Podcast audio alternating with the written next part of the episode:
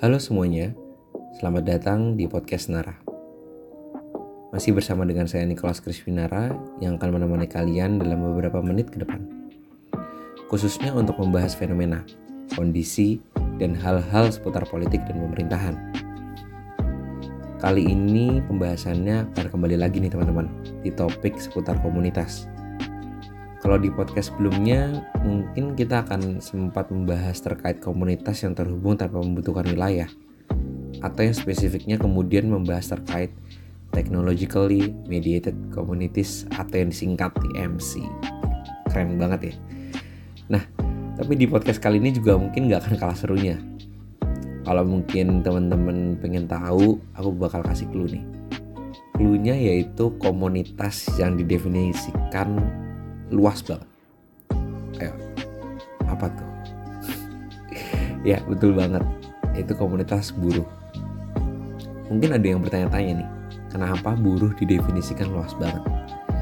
Tapi mungkin dalam uh, pembahasan kita kali ini saya akan mengambil intinya melalui pendekatan Marxism. Definisi buruh sendiri sebenarnya tidak terlepas dari ideologi Marxism, teman-teman, yang dikemukakan oleh Karl Marx. Singkatnya, ia mendefinisikan bahwa buruh adalah bagian dari kelompok kelas yang bekerja untuk mendapatkan suatu upah dari pemilik modal atau kapital.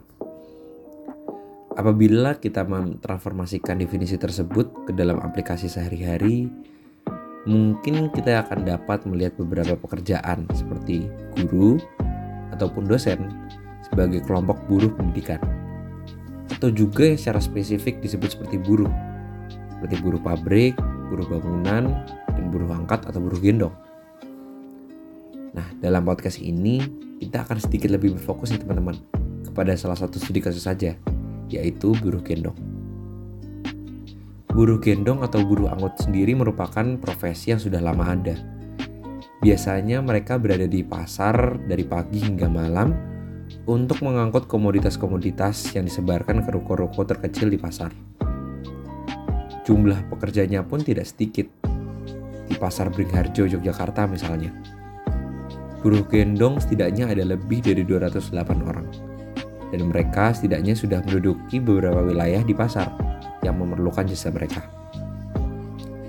Yang menariknya dari pekerjaan ini, mereka memiliki pekerja yang sangat variatif. Mulai dari laki-laki dan perempuan hingga yang muda dan tua. Berangkat dari variasi tadi, mungkin kita dapat lebih mengkerucut lagi nih teman-teman kepada salah satu buruh angkut di pasar Beringharjo ini, yaitu buruh gendong perempuan. Hampir puluhan tahun kurang lebih mereka sudah ada di pasar Beringharjo untuk melakukan pekerjaan yang sama.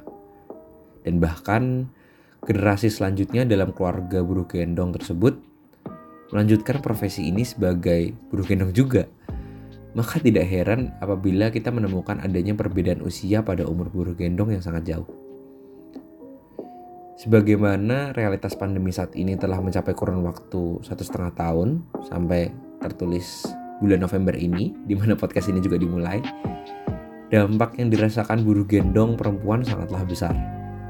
Dan hal itu dikarenakan pekerjaannya merupakan kerja informal yang apabila ditelusuri pemasukan ekonominya hanya bergantung pada fleksibilitas pasar yang membutuhkan jasa.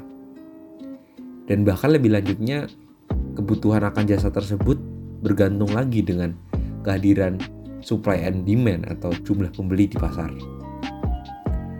Oleh karena itu, ketika ada ketidakteraturan pada sistem lama yang terjadi di pasar, maka buruh gendong perempuan akan sangat sulit untuk mendapatkan pemenuhan ekonomi yang layak atau setidaknya mengimbangi pemenuhan seperti sebelum pandemi kemarin.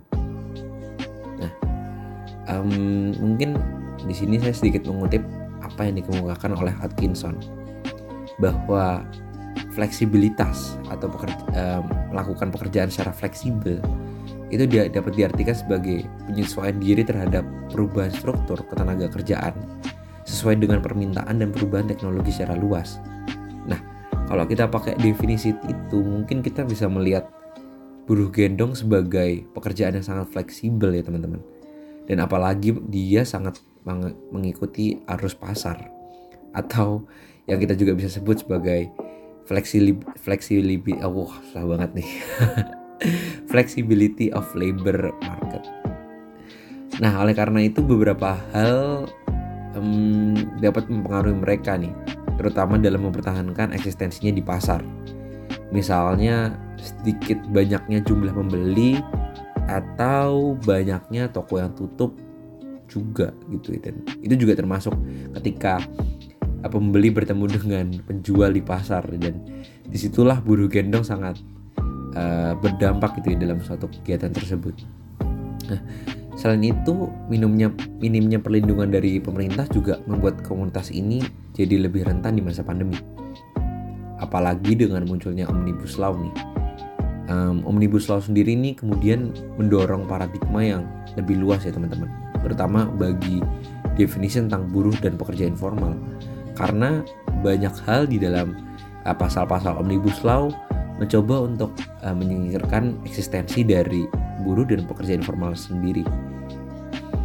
Hal tersebut juga tak terlepas dari campur tangan oligarki yang menyelenggara yang melanggengkan bahwa konsep pemerintahan neoliberalisme uh, harus ditegakkan di Indonesia dan ekonomi diutamakan serta demokrasi dikemudiankan atau yang secara bahasa Inggris kutipannya yaitu adalah economy first and democracy later. Nah, namun di pasar Beringharjo, buruh gendong perempuan memiliki paguyubannya tersendiri. Dan saat ini telah bersinergi dengan beberapa komunitas lain yang membantu menyokong kehadirannya. Seperti Yasanti misalnya, atau Dapur Umum Buruh Gendong sebagai kelompok gerakan advokasi dan perlindungan sosial. Dapur Umum Buruh Gendong misalnya. Ia adalah komunitas yang baru muncul di akhir tahun 2020 yang lalu. Dan kurang lebih sudah bertransformasi uh, dari SPJ atau Dapur Umum di Yogyakarta. Yang dulunya sempat uh, berfokus untuk memberikan makan pada pekerja informal dan menargetkan masyarakat secara luas.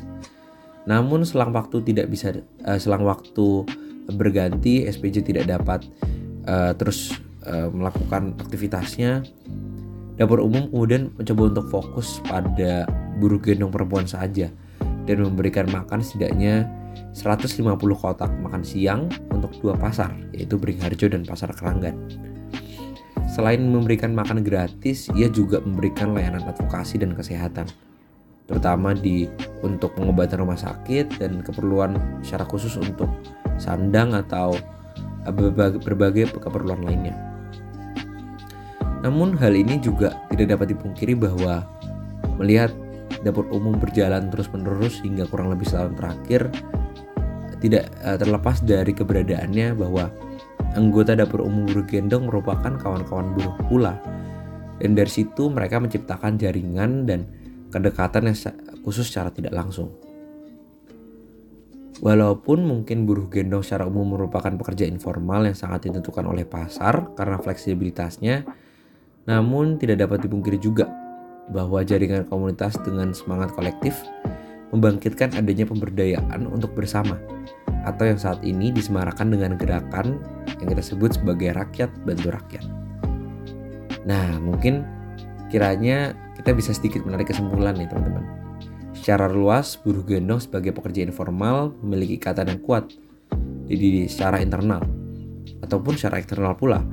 Dan hal itu uh, tidak terlepas dari strukturnya terdiri dari sanak saudara maupun keluarga terdekat. Dan secara eksternal di dalam jaringan ia dibantu oleh banyaknya eh, komunitas-komunitas yang memiliki rasa empati yang sama. Dan oleh karena itu seluruh beban-beban fleksibilitasnya di dalam pekerjaannya sedikit dikurangi dan mampu untuk uh, bertahan di dalam um, pertanyaan tentang eksistensi di era neoliberalisme atau postmodern seperti ini. Mungkin sekiranya pot itu saja ya teman-teman podcast hari ini. Semoga uh, banyak ilmu yang dapat bisa diserap dan perspektif baru mengenai komunitas dan cakupan mengenai ilmu politik dan pemerintahan dapat uh, bisa lebih dilihat dan oleh karena itu uh, ini menjadi penutup dari podcast hari ini. Saya Nicholas Kriswinara, pamit undur diri.